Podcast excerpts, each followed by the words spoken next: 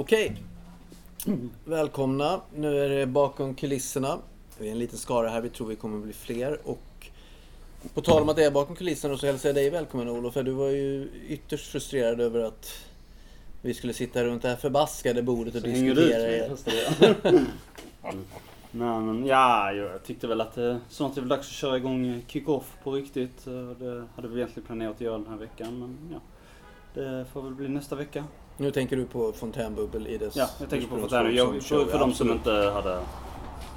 För de som kanske inte visste vad det hela handlade om. Mm. Ja. Ja, men du är hjärtligt välkommen. Du kan säkert eh, hugga tag i en diskussion här som du brukar. Ja. Välkommen. Eh, sen har vi Börje här. Ja. Välkommen. Är det första podden du är med ja, i? det är det nog. Jag har bara bevittnat nå- en... Jag har inte varit med. Mm. Spännande. Ja, ämnet som sådant är ju lite grann svävande för en människa som är i min ålder kanske. Men eh, det är spännande. Du är hjärtligt välkommen och vi låter ämnet sväva i luften lite till. Det var en bra liten cliffhanger från dig där. Eh, och så hälsar vi Kristoffer välkommen. Tack. Eh, är det, här, det är första podden du är med i också? Eller? Ja. Kan det vara så? Hur kommer det sig? Ja, det är tillfälligheternas spel. Tillfälligheternas spel. Mm. Men nu kanske det är dags. Ja, det är det ju uppenbarligen. Så att eh, du är hjärtligt välkommen att vara med och diskutera idag. Och sen har vi Buster här mitt emot. Självklart. Självklart. Eh, som eh, ju också har varit med nu en massa gånger. Och även eh, lett den här podden och bidragit till ämnet idag. Som vi då kan säga är de tio budorden. Och egentligen kan man säga då att det är faktiskt de tio budorden i relation till vårt samhälle idag och vad vi hur vi lever idag, hur vi... Eh, är det här någonting vi kan applicera, som vi bör applicera? Och kanske tänkte jag att vi skulle börja med att prata lite om vad är egentligen meningen? Vad, vad, vad är meningen med de tio budorden? Egentligen? Varför, varför liksom? Vad är de för någonting? Man har någon slags ursprunglig tanke med dem så är det ju ett mer eller mindre direktiv på hur man ska leva för att få en, någon slags konfliktfritt samhälle. Mm. Ja. Så. Någon slags levnadsregler som ska Ja, underlätta livet. ja. Underförstått en religiös mening kan, vi, kan man vara kluven inför att Gud är ju utifrån olika religioner kanske en och densamma men man ser på eh, Guds bud på olika sätt. Mm. Vi har olika religioner, vi har islam och de har enligt även kristen uppfattning så har vi samma Gud. Mm. Men jag känner inte till om de har några tio gudsbud. Nej, det har de väl inte. Men, men någonting som går igen lite i, i religioner och ideologier överlag är ju no, alltså riktlinjer, levnadsregler på olika sätt. Eh, utifrån som på något sätt ska läggas på eller appliceras på samhället och människan för att förhålla sig. Eh, vi har ju det till exempel här Fontänhuset som vi, som vi jobbar på och sänder. Vi har ju hela 37 riktlinjer som vi ska arbeta efter. Det är inte samma sak som de här är ju någonting annat såklart. Men, men det finns ju någon linje i... Och det tänker jag Olof, är det ett behov människan har att, att, att Ja. skapa regler för att kunna leva? jag, jag tänker ganska mycket på den eh, hiphopens tio budord med Feven som Ja, just 2000, det. kommer 2000 som handlar då, eh, det var så här olika om man skulle göra så här hiphop är i kläderna du bär och så där. Den hade man kanske kunnat spela om det var en sån här podd, om det var en om det, om det var en rik, riktig podd med musik och sådär. Det passar, Mm. svårt att inte säga att det passar i sammanhanget. Nej men alla har såna här lev, levnadsstandarder. Det finns de som tycker att om man är, om man är punk till exempel, så, om man är punkare eller så, eller håller på i punk, så måste man vara anarkist och vegan och en massa sådana saker. Så det finns sådana lite oskrivna regler på vissa. Mm. Vissa och vissa kanske tycker att om man är syntare så måste man, så måste, så måste man vara superhöger och jättekonservativ. Mm, nej, alltså alla man, ka, grupper Ja. eller grupperingar kategoriseras ju in i Mm, ja. absolut normativa, ibland Ja. oskrivna regler. De här är ju definitivt inte oskrivna de här tio buden. De är ju huggna i sten Ja. enligt Mm. sägen då. Mm. Eh, och vad, vad säger du Kristoffer om det här med, med levnadsregler? Ser du på de, vad är ditt förhållande till tio budorden? Är, är det levnadsregler egentligen? Jag tänker att det är en del av den kristna etiken. Mm. Och att eh, dels är det budorden som är lag, eh, eller lagen. Och så är det evangelium som är mer gratis, som, som är nåd och så. Mm. Eh, Buden är mer lag. Ja, det är väl det. Mm. Eh, sen så kan jag tänka mig att man får förhålla sig till eh, kristendomen eh, när man skapar ny konst och så.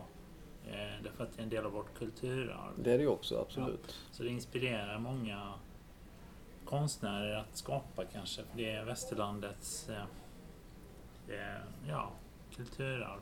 Mm. Sen kanske inte alla eh, lever efter det. Men det, det är ju inte helt omöjligt heller. Mm. Nej, och jag tänker, men det, men det här precis som du säger, påbud då. Och då hälsar vi dig välkommen Peter som slank in här. Tack. Eh, och du har ju varit med mycket här. Och, eh, tänkt eh, åt sidan och rakt fram och bakåt i alla diskussioner vi har haft här. Har du någon, det här med, behöver vi påbud i livet? Ja, om man har eh, problematiskt förhållande till livet så kanske man behöver det som, Mm. som stöd. Och för att eh, känna att det finns en motivation att förändra sig till det bättre. Mm. Men jag tror nog att en vanlig person som har en normal moral behöver kanske inte så mycket. En, en normal moral? Ja, en normal moral. Vad är en normal moral? Ja, i alla fall i Sverige. Att eh, man beter sig acceptabelt, man är vänlig mot medmänniskor och man snattar inte och stjäl inte Mm. i affärer och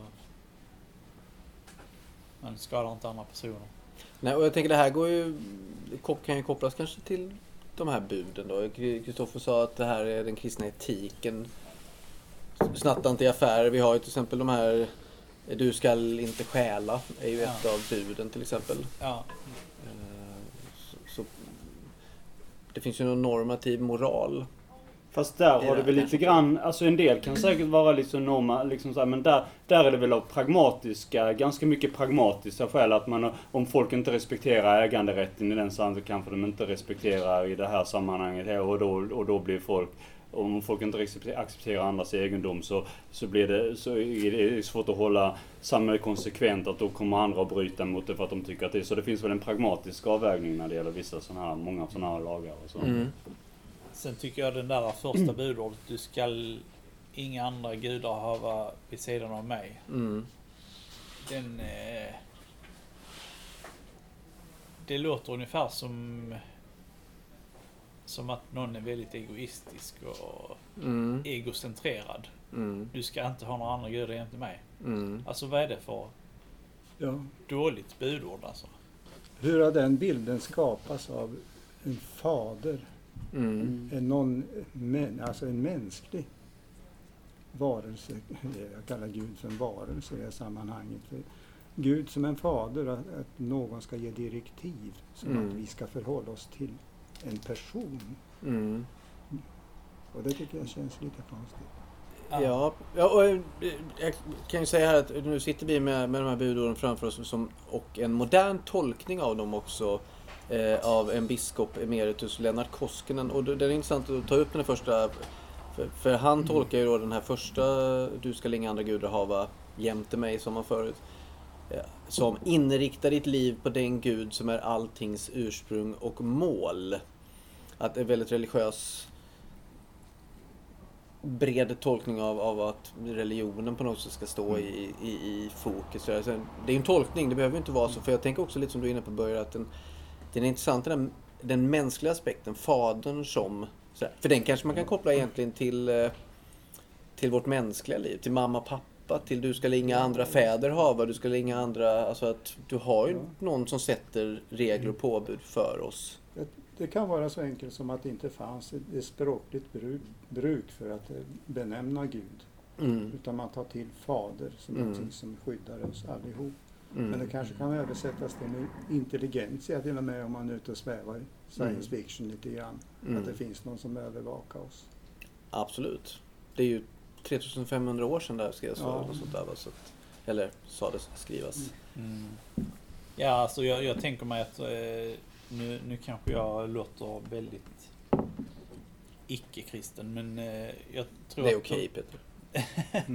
de, de personerna som skrev ner de här budorden, i den tiden de levde så fanns det ju en väldig massa olika gudar Mm. som folk dyrkade hit och dit och så. Mm. Och de ville ju göra rent hus med det här. Mm. Och säga att nu det finns bara en väg att gå, det är den rätta vägen. Mm. Och ni, ni ska inte göra något annat. Och ni ska följa efter detta. Så, och säga liksom det här eh, eh, att, att eh, Du kan läsa det här vid... Ja. Eh, att ett försök att om, omtolka det inriktade liv på den gud som har alltings ursprung och mål. Då den gud som har alltings ursprung och mål. Mm. Nej, nej, Alltså- då kan man ju tolka denna... Får man ju Det tolka den tydligen, då. tydligen finns det andra gudar. Mm. Uppenbarligen så finns det andra gudar. Mm. Eh, så ja, jag, tycker det är att snälltolka om man liksom... Ja, det är klart att man tänker också så att det finns väl en hårdhet någonstans i det. från en annan tid. Det var så här, så det är klart det finns. Du ska få komma in Buster, jag ska bara hälsa välkommen. Vi har en person till här. Anonym idag eller? Eh, men du, jag tänker på... Eh, och du har ju varit med i podden förut också. Det var länge sedan nu så du är hjärtligt välkommen. Och vi pratar om de tio budorden i relation till vår tid kanske. Om vi, ska man tolka dem? Ska man leva efter dem? Levnadsregler var vi inne på. Etik var Kristoffer inne på. Eh, Börje kom in på, eh, vad ska man säga, maktpersoner, fa, fadern, intelligentian på något sätt. Har du någon relation till de tio budorden? Um, det som jag kan säga angående Gud och ämnet som um, älgvissel. Mm. E-L-L-I-E vissel W-I-E-L-S L Älgvissel. Han är, han, är, han är ganska känd uh, författare. Han skriver mycket om um, förintelse. Mm. Han, han dog för några år sedan. Men uh, när han var 16 år gammal och han, st- han, han stod i kö uh, inför krematorium. Han, uh, han undrade om Gud faktiskt finns. Mm. För det var han och hans pappa och det var uh, tyska soldater som skulle bara säga gå till vänster, gå till höger. Mm. Jag vet inte vilken var vilken, liksom, om, om krematorium var vänster höger. Så det var de här soldaterna som sa det, okej, du, ska, det, du ska arbeta för arbete ska ge, ge dig frihet.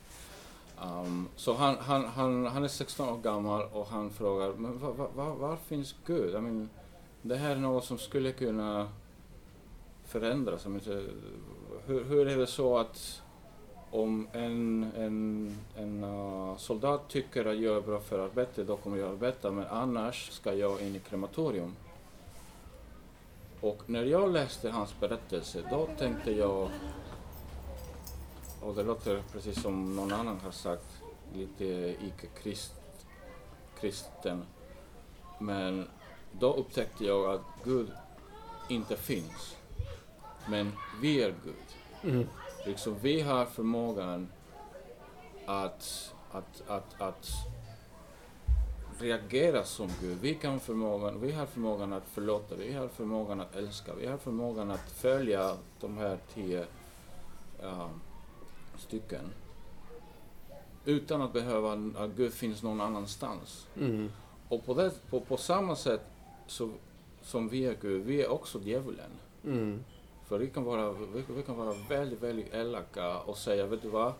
Du ska till krematorium bara för att jag säger detta. Mm. Så, ja, kanske en konstig kommentar, men Nej, det är det inte. Jag tänker, det här är inte jag tänker, jag tänker på Robert Heinlein på något sätt. Och, som, som kopplat till Börje science fiction här med Främling på egen planet. Stranger in a strange land. Jag vet inte om ni har läst den, men just när den om Jesus skulle komma idag. Liksom, och, och det slutar ju såklart jävligt illa liksom. Men där är just den här, du är Gud, Mm. jag är Gud. Vilket är ett hedniskt förhållningssätt till kristendomen. Men kanske en väldigt sann. Mm. Jag tänker bara Buster hade någonting du, så jag avbröt ju dig förut där. Nej men jag kan väl säga så här. Eh, nej, men, eh, jag tyckte att efter det, alltså jag, jag tyckte det var jättebra det du sa. För det tog lite udden av det som jag, alltså det, det var mycket det som, som du sa som jag, som jag faktiskt tänkte säga. Eller, Mm. eh, alltså jag kan inte säga att, att jag har, har kunnat de tio gu, eh, budorden punkt och pricka. Jag trodde att jag kunde flera, eh, för det är intressant att sitta och läsa dem här- nu. Mm. Och, och, och då ser man också det, precis som Peter säger, liksom att de känns ganska eh, okristliga på något sätt. Det vissa tycker jag nästan. Att det, det är så eh, tekniskt och, och du ska inga andra gudar ha. Och, sen, och om du har andra gudar, ja då kommer du eh, bli bestraffad Mhm. på tvåan. Liksom. Eller, Mm. det, det, det är hemskt. Alltså för, för mig handlar eh, budorden om att, eh, alltså jag ser mig ganska kristlig fastän att jag, alltså jag går inte i kyrkan så, men jag har kristliga värderingar. Jag vill liksom att, att jag vill be, be, eh, behandla andra så som man vill bli behandlad själv. Det, det tycker jag är liksom den bästa värderingen på allt det här. Och, och, då, och i det här eh, som man tror att man inte stjäler och man ljuger inte och har inte begär och sånt där. Och det har man kanske haft under sin uppväxt till någon annans. Eh, Mm. Men eh, förutom det så... ehm, ja, nej, men jag blir lite överraskad över att, att, eh, Över det faktiskt- liksom. ja, men att det finns många grejer som, jag, som egentligen inte jag tycker är vikt, viktiga. Jag menar Mm. det här... Eh, eh, tänk på vilodagen så att du helgar den. Okej, men vadå, hur skulle den vara viktigare än... Eh, jag, jag vet inte, men... Mm. Jag tror vi måste dra en gräns här, för kristendomen är ingen religion och den kommer till långt efter det som är skrivet här. Kristendomen är ett förhållningssätt, antingen till, eh, genom Gud, genom Jesus. Men det beror på hur man tolkar. Alltså det finns ju inte, det finns inte en tolkning som säger att det här är Gud. Jo, den faktiska är- tolkningen är att kristendomen inte fanns när det här skrevs. Nej, nej, absolut. Så var det ju. det- Kristendomen tillkom ju några, jag vet inte om det var några århundraden efter. eh, Ja, det kan man väl Jesus säga eller när man vad. fastställer de här skrifterna då som har, som har blivit Bibeln. Ja, Mm. det Det är kan, 300 år efter Kristus. ja, Så jo, men det, är, det är sant som du säger då. På något sätt, att, eh, Och det kanske inte är så mycket relevans i det heller, Mm. men just i det som är skrivet här så kanske man inte ska använda kristna värderingar för att tolka dem, utan vi har efterlevt den här texten och Mm. därför måste vi kanske tolka den utifrån mer moderna ja, tankegångar. nej, men det kan Mm, nej, intressant. Absolut. Men det var du lite inne på Så- också. Om, omtolkningen av eh, bibel och budord och sånt, det är ju någonting som brukas intensivt i kristna, kristna kretsar för att kunna de, Dels för att kunna lappa och laga det som inte. Ja, det som inte Mm.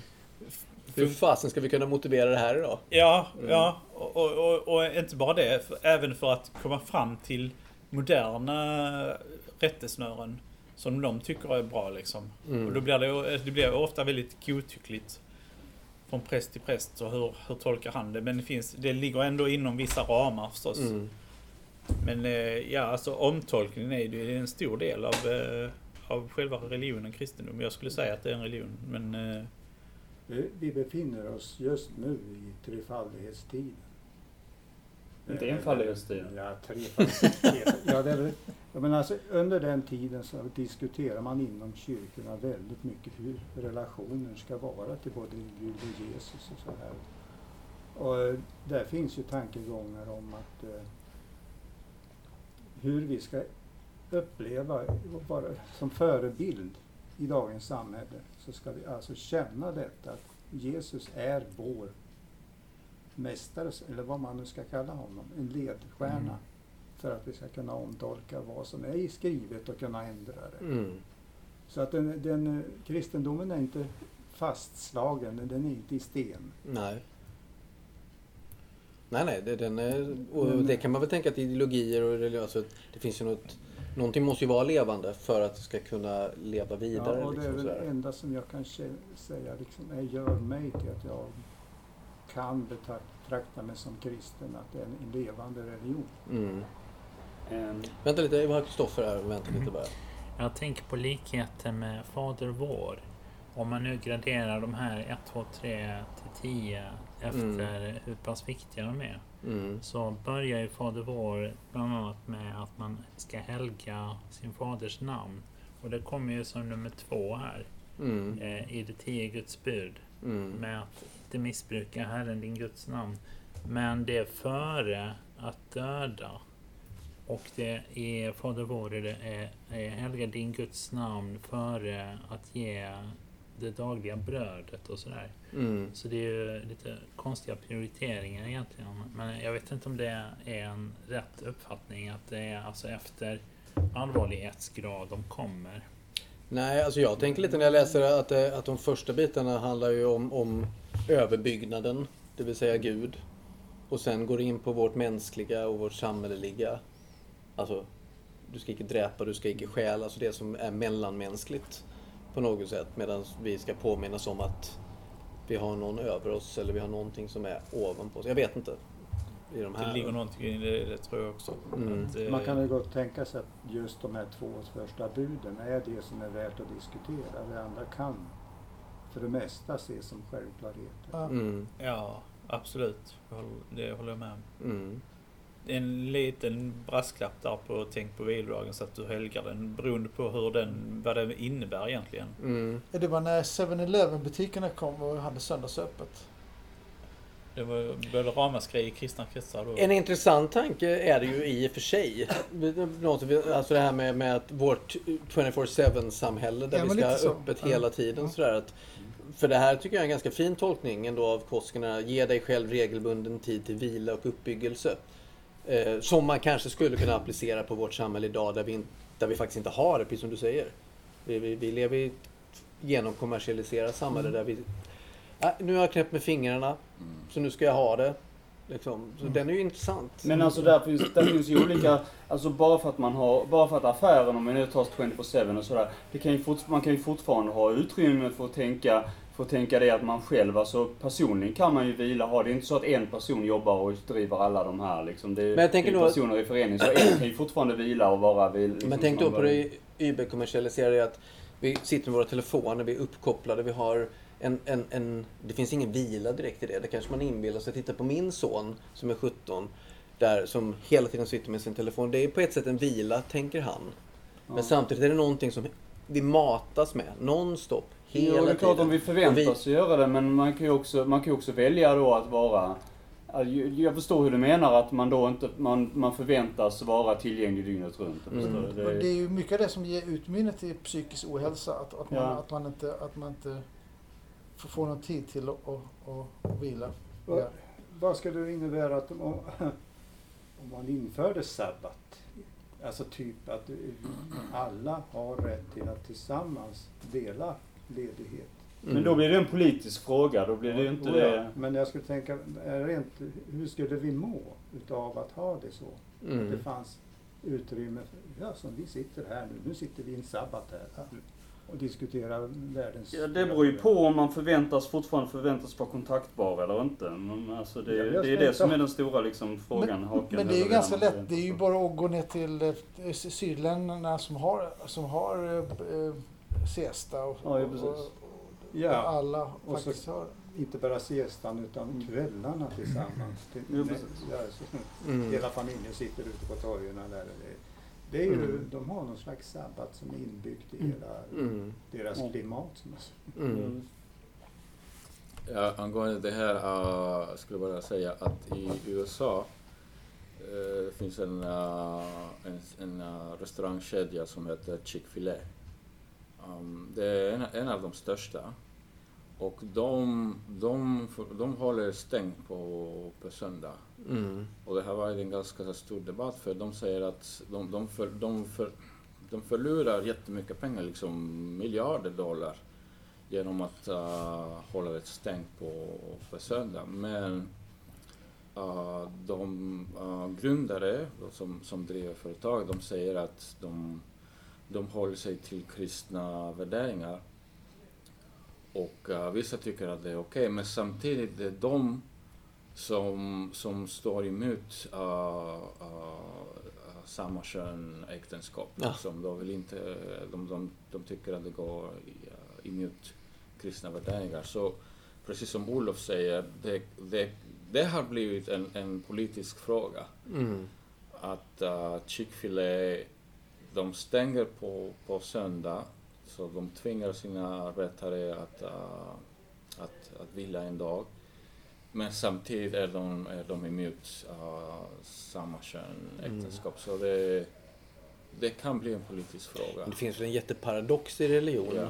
Överlag ofta ju på det här sättet att du har de goda värderingarna fast utifrån extremt strikta normer Ja. kanske som säger vissa saker. Mm. Ni ska få komma in här Kristoffer och Peter. Jag tänker bara nyfiken hänga, hänga kvar lite här. Eh, du har ju en erfarenhet av, av andra kulturer Mm. eh, och, och jag tänker just med religion och påbud. Mm. Religiösa påbud som man ju ändå får säga att det här är. Eh, hur ser det ut? Eh, om du bara snabbt tänker på Sverige, USA. Det första jag tänker är att när ni, när här pratade om att uh, införa, om, om, om, om, om sabbat, om vad skulle hända om man inför och att i vissa kulturer det finns en inbyggd sabbat, typ. Och jag, jag minns när jag bodde i, i Madrid i Spanien, Mm. att kvällarna, liksom grannarna kommer ut ur den lägenheten och bara hänger ihop, liksom de bara hänger med. Mm. Varje dag. Uh, typ mellan sex och åtta. Och Mm. de, de bara samlas och umgås och pratar om allt, allt, allt, allt möjligt. Så det, jag tror att det, det, kulturen påverkar jättemycket. Mm, mm, Hur man följer alla dessa påbud. mm. Spännande är också, tänker om man tänker Madrid, Spanien, katolicismen. Där, de flesta de, Påbuden ja. är ju också mycket starkare mm. där i de kulturerna än vad de är i vårt eh, sekulariserade samhälle Mm. på något sätt ju. Så, att- här- så att man har både och där också ju. Här, här i Sverige, det, jag, jag, tror att det, det, det, det finns så mycket fokus på individen. Mm. Och inte så mycket att individen är en del av en större sammanhang. Mm. Men där kan man ju bara bikta sig, sen är allting bra. Det, det skulle man kanske inte säga om man var... jag skojar. Ja, nej, nej, men alltså, så kan man ju se på det. Ja, Kristoffer och Peter och så får vi andra komma in här. Ja, jag, jag undrar om eh, det här är någon slags motsvarighet till sharia-lagarna. Om det för att det här kan man också tolka Mm. hårt eh, på många sätt. Ja, ja, absolut. Men, eh, men jag tänker också att naturrätten var ju något som kom tidigt och det kan ju vara inspirerat av kristendomen också. Och det är ju i så fall eh, motsatsen, vad som man har rätt till. Det är någon motsvarighet till eh, mä- mänskliga rättigheter i något tidigt eh, grundstadium. Men ja, vad, vad tror ni? Vill du redogöra lite för naturrätten? Nej, alltså jag är dåligt insatt men det, är väl, det är väl någon slags förstadium till mänskliga rättigheter där man säger att man har rätt till liv och frihet eller någonting på något sätt. Men Mm. Är Det- allemansrätten du hävdar? Nej, Nej, nej, nej, det är äldre än så. det här är någon slags... Eh, En filosofisk, ja, Ja, jag, tror- 1700-tals. jag tror det är någon slags... eh, Men eh, vet ni mer om det eller? Jag har jättedålig koll, måste jag säga. Jag har ju läst filosofi så jag borde ju veta lite mer, men jag vet vad som brukar syftas på. Men det är svårt att förklara. Men det är de här synen på vissa rättigheter, att de är givna liksom i, mänsk, i mänsklig kontakt. Att det, det, här, eh, det här finns en objektiv kraft, att det här har varje människa rätt att få Mm. uppleva eller få... Men det är ju någonting annat, tänker jag. De här alltså, tio budorden är ju på, är påbud och lagar. De talar ju inte jättemycket utifrån vad du som individ och vad jag har rätt till. Nej. Utan snarare tvärtom, så som jag tolkar det. Men eh, det finns ju alltid rättigheter och skyldigheter. Och det ena ger det andra liksom. Ja. Eh, Att om du inte får göra det så får du göra detta istället. Liksom. Men vad är rättigheterna här då? Nej, de står ju inte där. Utan det, det var det jag försökte komma fram till. Att det kanske kompletterade det med naturrätt. På något sätt. Något filosofiskt som sa att det här, har du, det här får du göra. Mm. Det får du inte göra. Men, men det är ju prästerskapet då som, Mm. som definierar vad som är rätt och fel. Mm. Nej, nej, precis. Kan man eh, kringgå det här med att allting är projicerat mot individ och tänka lite grann i större... Hur menar du då att det är projicerat kring... Jo, det här alltså- det, det är riktat till en, varje enskild människa. Så här ska du uppföra dig. Va? Mm. Men man tänker sig då lite alla omvälvningar vi går igenom i samhället idag Men det är väldigt svårt Men- att tillskriva, gru- Olof, tillskriva Olof. grupper moral. Liksom. Olof, låt du börja bara Ja, jag ville bara tänka liksom utanför ramarna lite grann här. För det här är ju naturligtvis någonting som man kan omvandla till förhållningssätt som man kan leva tillsammans med. Jag tänker mig vara här, Mm. fontänhuset här. Mm. Det- Det är inte tio Guds bud vi lever efter men vi, vi har kanske andemeningen med oss i att respektera varandra och upphöja värdet av vad vi gör. Mm. Men det var väl lite vad du började med egentligen det här med att eh, eh, ett sätt att kunna umgås i samhället eller ett sätt att, att på något sätt underlätta samhälleliga relationer. Ja, och då kan man ju det tänka sig att om man tittar på det så är det ju ganska, så här kan det mycket väl vara. Va? Mm. Men om man då ställer det i relation till de motsättningar som finns ute i samhället så kanske det är lite svårare att, att definiera det i påbud. Det är jag, ja, Mm. Nej men ja, absolut. Eh, Peter, eh, Buster Olof. Ja, det var någonting som sades i begynnelsen. I tidernas begynnelse som, som Var det jag ljus? tänkte kommentera på. bara- Mm. ja. Mm. Det här med chick-filé. Men eh, om man säger vanliga människor och de ska vila på söndagen. Då, måste de ju, då kan inte de vara hemma och laga mat. Så då måste de ju gå till chick-filé och få sin, sin eh, middag serverad. Och då, Och då är det stängt. Ja, och, då, ja, och då är det stängt och då faller ju hela... Då, då måste de plötsligt... Någon måste ju jobba. Någon måste jobba. Mm. Någon måste Kanske kvinnan någonting. jobbade rätt mycket här eh, förr i tiden med att laga maten då. Kvinnan de kanske inte är riktigt eh, eh, satt på samma budord då kanske. Nej, nej. Precis. man skulle haft en, en Mm. Det, den person som eh, håller i hushållet, han får, den får ha en rad med budord. Så får, Mm. så får de välja det på måndagen. Alltså helga sin vilodag på måndagen. Mm. Nej men jag tänker bara att ofta är ju så här, det finns ju alltid en, en eh, det finns ju alltid klass, kön, hierarkier. Som också ska blandas in med våra liksom, övergripande påbud och lagar som Mm. Ser annorlunda ut genom tid men förvånansvärt lite annorlunda också på något sätt ju. Så att, men du har ju en stark poäng i det, så klart att det är så att... Och sen så var det en annan kommentar som eh, uttalades på medeltiden. Någonstans mellan begynnelsen och nutid. Mhm. Eh, och det var det här med grupper som, alltså det, det är ju en intressant tanke. Om man skulle ha e- e- ett budord, du ska icke idka terrordåd. Liksom. Mm. Eller eh, du ska inte starta krig mot du land, starta ej krig mot ditt grannland eller, det- eller, Mm. eller något annat land överhuvudtaget. Mm. Eh, det, så att... Eh, Då går vi utanför det här personifierade Mm. tolkningen där utan då, då sätter vi det i helt annan kontext där med världsproblemen idag. Kan det inte vara ja. båda sakerna samtidigt då? Ja, Individ och alltså, grupp och samhälle? Visst, filosofiskt och religiöst kan man absolut tolka det på det viset. Mm. Men eh, Men jag undrar, undrar den här, eh, du ska icke dräpa. Jag tror det var du Bosse som var inne på det att det gäller ju inte djur tydligen. De får man ju dräpa hur man vill. Eh, Så Ja, behöver man eh, lite lammkött så är det bara ut och slakta sitt favorit, Mm. favoritlamm. Den är så god och gullig. Men när det är mat som ska på bordet då är det bara att hugga Mm. halsen. Liksom. begreppet dräpa, dråp, mord är kanske inte kopplat tankemässigt till just detta utan det är väl en relationstanke mellan likvärdiga. Ja, ja just det, likvärdiga. Men Mm. varför, ja, varför eh, är vi inte likvärdiga med djuren också då? Varför ska vi vara olika djuren? Det Ja. tycker jag... Mm. Okej. Så att, eh, alltså inte på jag, jag, när, jag, när jag växte upp så hade vi en massa husdjur och olika sorts djur. Så att eh, jag anser att djuren de är inte sämre än vi Du egentligen. kan Mm. alltså som individ i det fallet ta på dig den rollen av att du betraktar dina djur som du har där hemma som likvärdiga med dig själv. Ja. Men grannen kanske inte tycker om dina hundar. Förmodligen inte eftersom de skäller hela dagarna ända.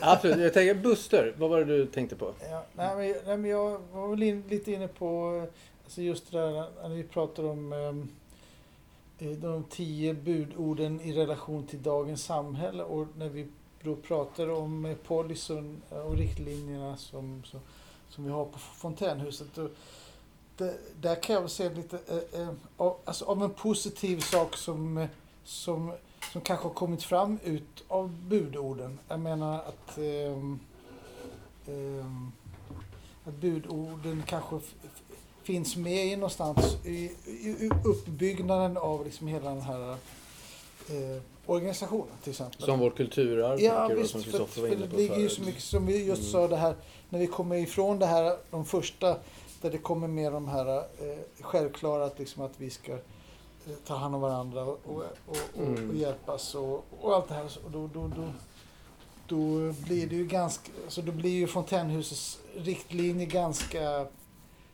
Alltså något liknande, alltså där, då, då kommer man in kanske i det som jag tänkte vi skulle, en del av det vi kunde prata om, det är liksom hur, hur eh, tio Guds budord eh, påverkar eller fungerar i dagens samhälle. Kanske. Mm. Och där har du en sak som det kan fungera positivt på. Mm. Kanske, jag vet inte. Mm, att det är grundläggande, som du var inne på först, etiska förhållningssätt.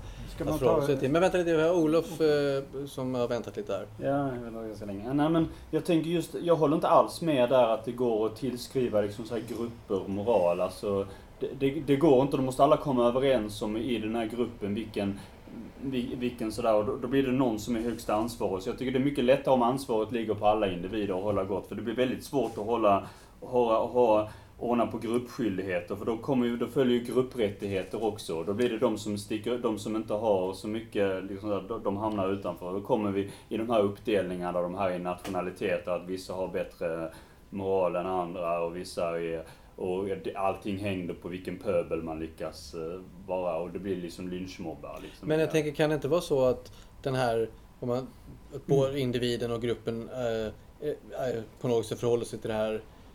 Du kommer inte undan att om individer påverkas här så byggs en norm upp och då blir det en grupp som förhåller sig till en Jo norm. precis, det är därför man måste börja med individer att, att, att de har. Man kan inte bara säga generella, ja, eh, grupper har Nej men, men då kan det här ju rikta sig till, rent filosofiskt som börjar på, kan det ju ändå Ja. rikta sig till dig som individ Mm. och den grupp vi bygger upp när vi bygger, som Buster inne på, att vi bygger en... Men om man har de här färdigheterna som individ så borde man inte ha problem i grupp heller. Alltså grupptänk kan ju ibland skapa, koppla fram det sämsta i människan, men det behöver det inte göra. Alltså det, man kan ju ha, om alla har, eh, om man har bra alltså i grund, gemensam grund i, i botten så behövs det inte. Då, då kan ju alla följa det och det blir väldigt svårt. Vi har, vi har ju ändå politik och sånt för att hantera såna här eh, för att hantera så här hot mot rikets säkerhet, terrorism eller vad du nu pratar om. Det är liksom inget kanske som man kan tillskriva moraliskt grupper. Att, eh, jag tror inte grupper tänker, alltså grupper är ju summan av individerna så att säga. Att, Mm, jag kan inte riktigt se motsättningen i det vad gäller kring, kring eller jag förstår vad du menar men jag tänker lite att det kanske inte är en motsättning när det gäller det här. Egentligen. Kristoffer, vad var det du tänkte på? Jo, eh, att, eh, eh, att det är ganska revolutionerande när man tänker att det är gammaltestamentlig tid. Att de tänkte på arbetsrätt, att vara ledig en eh, dag i veckan. Mm. Om det var så ja. För det var ganska så tidigt ute då. Mm. Men om det var så, där kan man kanske inte tänka också att om man ska hedra sin gud, det, ska finnas en dag där du... Jag menar, det är så länge sedan man, man offrade ju för tusan och man, man självspäkte sig och allting så det kan ju... Jag är inte så säker på att det är så modernt. Utan att det är snarare, eller vad tror ni? Det kan ju också vara en modern, en modern, vår moderna blick ja, jag, jag tror det. är vår Eller vad tror moderna du? blick. Att vi Vad tror du Kristoffer? Eller tänker Nej, du på jag- riktigt jag- att man tänkte på, på, att, på att man skulle värna om sin förmåga att arbeta? Nej, men jag tänker att eh, om det inte är jag som gör jobbet så måste någon annan göra det. Mm. Och då eh, kommer ju den här tanken med kolonialism och så här kanske att andra ska jobba åt oss. Mm. Eh, men det var ju inte vad de tänkte kanske, men eh, det finns ju en, en sån eh, möjlighet. Mm. Ja, ja, det, absolut. Vi kan väl använda den så. Såklart. Men jag, men jag tänkte egentligen, alltså det här du pratade lite om det här med eh, treudden eller treenigheten eller vad sa ni för någonting? Eh, eh, Tre. något, tre, Satanism. Ja. Eh, nej men eh, att eh, kyrkan försöker rannsaka sig eller att de försöker ha, kanske ändra lite inriktning eller att man, hur man ska komma ut med sitt Ja. budskap på ett annat sätt. Precis. Och då, då undrar jag liksom, eh, eh, för det står ju här, du ska icke andra gudar ha vid sidan av mig och du ska inte missbruka Herrens, din Guds namn, ty Herren ska inte låta den bli ostraffad som missbrukar hans namn. Men om du då, eh, alltså de två är ju lite svårt för Svenska kyrkan och, och, och, och nästan, man borde egentligen, tycker jag, nästan ta avstånd lite från dem. För, för att det här, det här, det här börjar bli lite på gränsen till eh, eh, rasism faktiskt.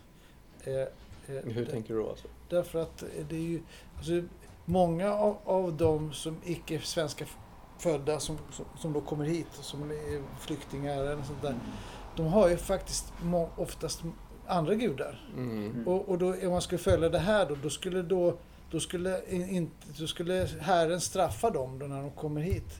Eh, för att de eh, tror på andra gudar. Inte nödvändigtvis tror jag, men, men Peter som börjar. Ja, det var ju en väldigt eh, kreativ eh, koppling där till rasism måste jag säga. Eh, Men jag, kan, jag, jag håller nog inte med om att Nej. det finns rasism i, i det där. Utan det, det, det, anledningen till att jag inte tycker det är rasism det är för att det påverkar, påverkar oss svenskar lika, precis lika mycket. Vi får inte heller ha andra gudar. Alltså, vi är också förtryckta i det här.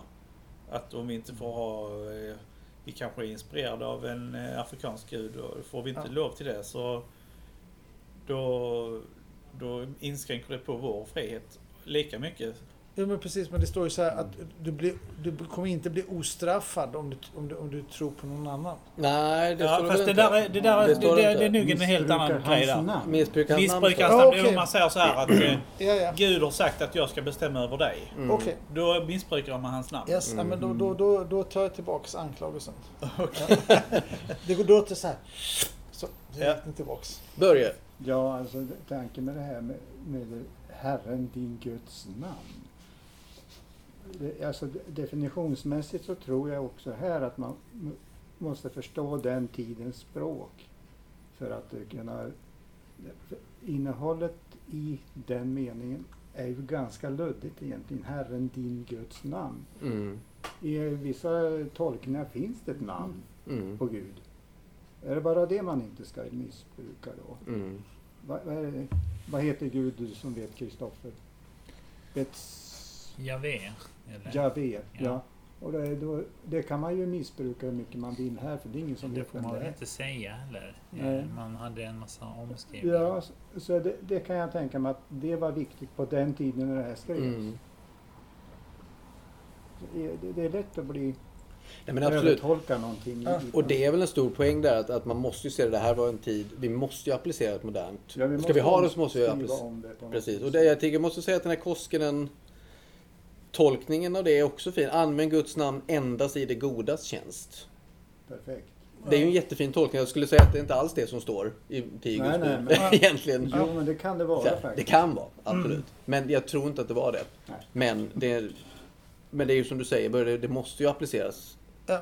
nu på något sätt. Vad skulle du säga? Nej, det var bara i, uh, uh, en replik till uh, vad Buster sa det, men då blev det liksom annullerat det som.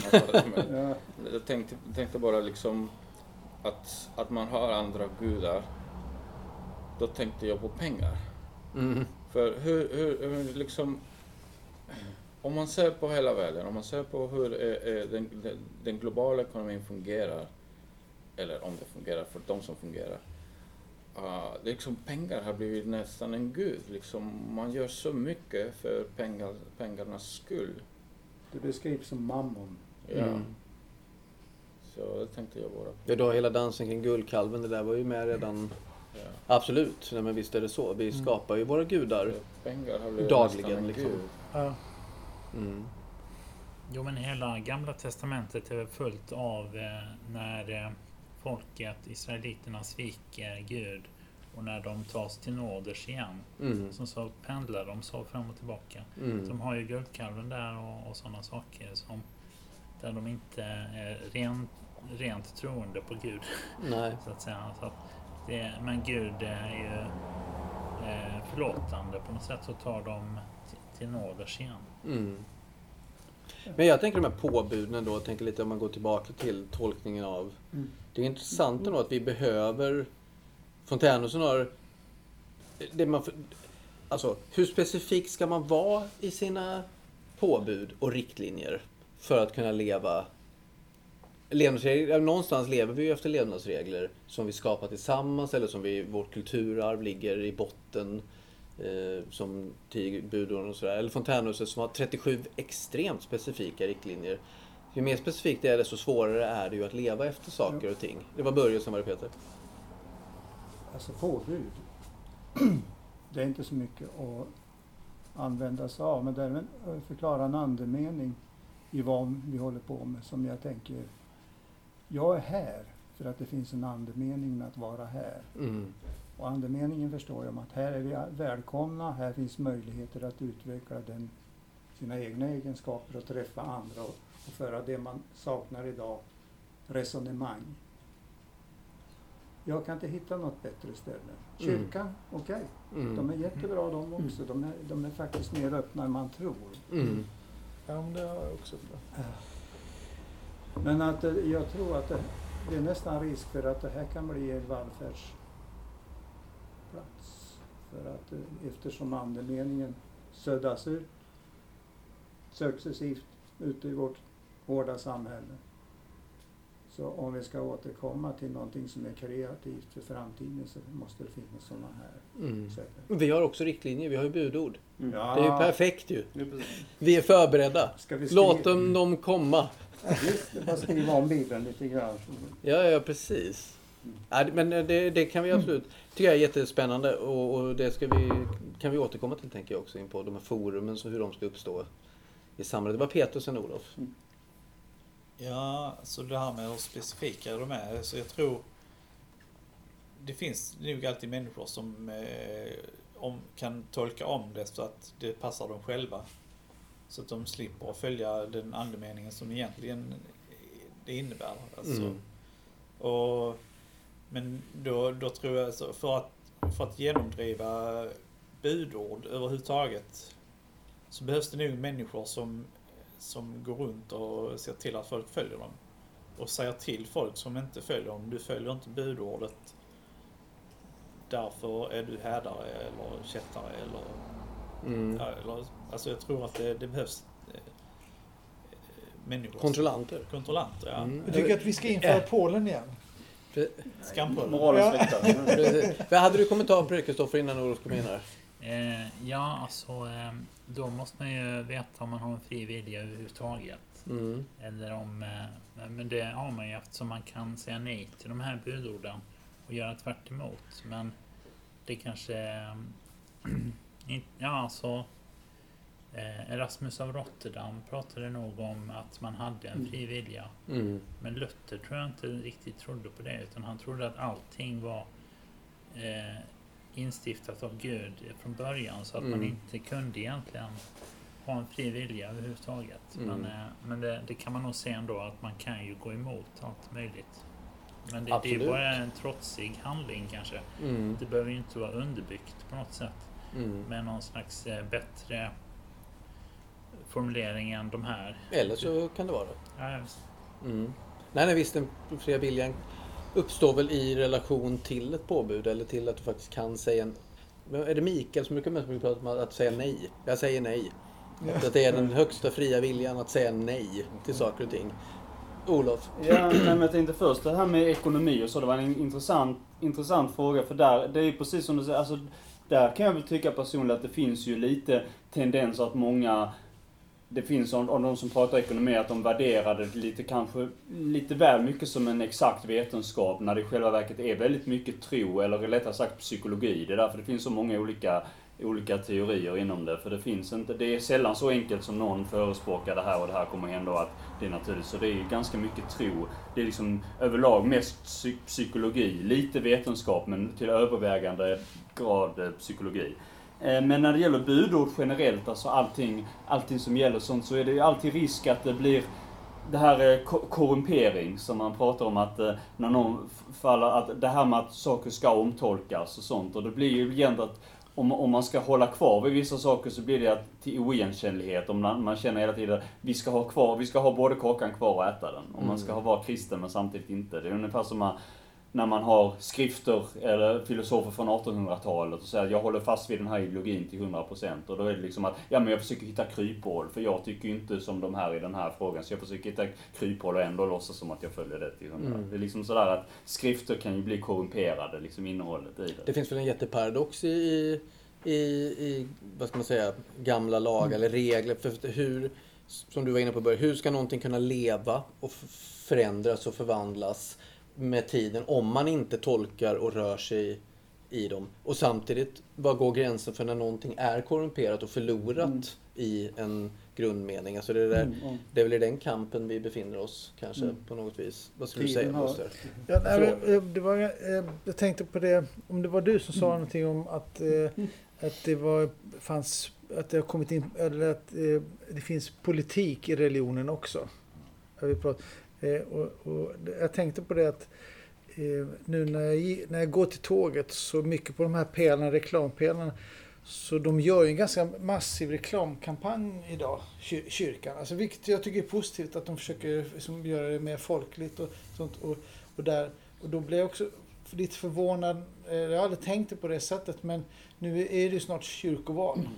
Och, då, och då plötsligt då kommer det då in eh, partipolitik. Mm. Vi Ja. socialdemokrater tycker att vi ska vara snälla mot varandra. Mm. Och så, så tänker man då, är, är det så att Socialdemokrater tycker eh, att man ska vara snälla på det sättet och, och Moderaterna ska...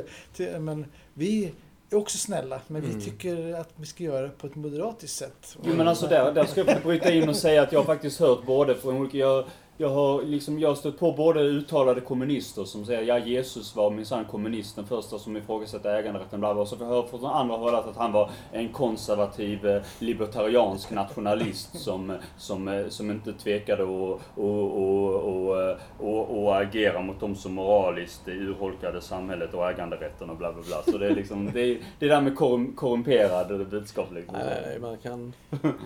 Men jag uppfattar ändå som att, att kyrkan börjar öppna upp sig mera. ehm, Mm. På något sätt. Ehm, Ja, om man kunde slänga ut alla partierna så kanske det kan bli en debatt där som har någonting med kyrkans värderingar och egendomar att göra. Ja, som är, precis. liksom är mera allmängiltiga. ja. Men eh, ni kanske förväntar mig att jag ska ha kommentarer bara för jag springer till kyrkan här. Nej, nej. Men jag säger bara rent ut att jag begriper ingenting av partipolitik i förhållande till religion. nej, hur går det ihop? Det, Mm. det känner jag lite att det går inte riktigt ihop. Det är en makt. Det är Ja, väl en maktfråga. Precis. Ja, men jag menar, alla vill väl vara snälla och hjälpa? Ja. Alltså, hur ska man hjälpa mer på ett, på ett, på ett, på ett vänstersätt än på ett, på ett Mm. eller om man är eh, Sverigedemokrat eller om man är Men vänsterparti? Sverigedemokraterna använder väl för att det var ju ett jättebra sätt att komma in och få Ja, makt. Ja. ja. Eh, när man inte hade det. Ja. Men är det inte så att Svenska kyrkan äger liksom hur mycket skog som helst? Jo. Och det, det, det han kommer med, det, precis som du säger, det handlar om makt. Mm. Men där har då alltså Miljöpartiet och Vänster gått fram och sagt att oh, det här, när vi har så mycket skog så måste vi omvandla den till riktigt så att det är miljövänlig skog, klimatinriktad. Det är deras lilla paroll då i förhållande till ägandet. Men då menar de att kyrkan inte, då, då är det på något sätt, de är med att kyrkan inte sköter om den Ja, marken. om de är, och det är ju klart att de känner sig lite attackerade då när man Ja, lägger upp det på det sättet. Då blir det partipolitik Ja. och Mm. miljö. Ja, så Mm. du menar att de säger att om vi får makten så, så kommer vi göra om det till Ja, då får vi kyrkans- plantera om som ger lite Ja, mera ja, syre i skogarna. Mm. Men debatten ligger där. ja. Mm. Ja, och det står inte någonting om det i de tio budorden. Nej, Nej. det, nej, Faktiskt. har vi spårat ur. Vi kan säga vi måste läsa här. Nej, nej, precis. Nej, Eller ja, det beror på hur man tolkar allting. Ja. Du ska hitta och begära sig till din nästas hus. kanske. Och med egendom Nästa och skog. allt det här Ja, det liksom. blir nästa egendomsförfarande som det egentligen. Vi har grundlagar sedan 1700-talet som försvarar egendom och äganderätter. Ja. Och det är Det klart, är väl mer grundat i naturrätt, alltså det är väl mer grundat i naturrätt som han pratar om kanske en, en religion. Alltså även om man kanske, eh, kopplingen liksom, det vet jag inte riktigt. Och det Med kan, koppling till- Jag vet Kristoffer, klockan börjar bli mycket hörni. Eh, Kristoffer eh, har bett om ordet här. Ja, alltså eh, poängen med regler så är att det ska bli lättare att leva. Ja. Så att Mm. man, eh, men sen så tror jag att eh, när man ändå har gjort alla regler rätt så eh, är man ju kanske ändå bara en farisé enligt eh, Bibeln. Man, de gjorde allting rätt men de saknade kärlek eller, Mm. eller förstod inte riktigt poängen ändå även om de gjorde allting rätt. Så, eh, men eh, budorden spelar ju olika mycket roll för olika människor. Och eh, det är inte det att man ska slå dem i huvudet på någon. Utan eh, man får försöka föregå med så gott föredöme man kan eh, med det man gör just då. Och sen så kan man inspirera någon att eh, följa eh, och bli, kanske hänga på på något sätt. Men Mm. det är väl det kristna gör. Att inspirera... Att, eh, för, för det finns ju en missionstanke i kristendomen. Mm. Att man ska värva fler medlemmar och bli det- fler och fler. Mm. Eh, och då vill man ju gärna få över folk på den sidan. Mm. Men det tror jag inte man får enbart med hjälp av lagar utan också med evangelium. Som är det som är gratis, som alla människor oavsett vad de tänker om de här eh, budorden får. Nåd, kärlek av Gud och så här sådana saker som, eh, som spelar minst lika stor roll som de här lagarna. Mm. Jag tänkte på en annan tes som är tes. Alltså det här med många förhåller sig enligt någon slags filosofi kring att man utgår ifrån teser som ska mötas av en antites för att uppnå en syntes. Och när syntesen i- ifrågasätts så omvandlas den till tes igen och så blir Alltså det är en, Mm. en, Nej, ett hjul. ett hjul. Ja. Mm. Det är väl också en, en tanke kring att det, så ser nog kristendomen ut. Mm. Den är inte påbudsatt utan det är en process. Mm. Ja, och det där är ju intressant. Jag tänker att vi, vi ska sluta med. Jag tänker att det här det är ju en väldigt bra eh, slutkläm. För att det, det är väl där i paradoxen ligger att vi som människor vill gärna ha regler för att det blir lättare för oss att leva. När sanningen kanske är att processen är det vi lever i. Någonstans. Eh, att det, det är där det rör sig. Liksom. Eh, hörni, eh, någon annan som har någon sista tanke man känner att det här måste jag få fram just idag? Eller ska vi lämna, lämna och, och säga hej då för, för idag? Ja. Du ser, Peter, du ser jättefundersam Ja, ut. ja, Dudum. Det är lite som en sån tecknad serie när man ser en sån här glödlampa som nästan har blommat ut här uppe. Det Kom lysa. fram med det! Du har svaret på allting. Mm. Den Ja, ligger det. där, men det, har, Ja. inte- det kommer inte ut. Nej, jag har inte mycket att säga just nu. Vi säger så hörni. Tack så hemskt mycket för att ni kom allihopa. Trevligt att samtala. Vi eh, syns snart igen på ett annat vis. Tack och hej.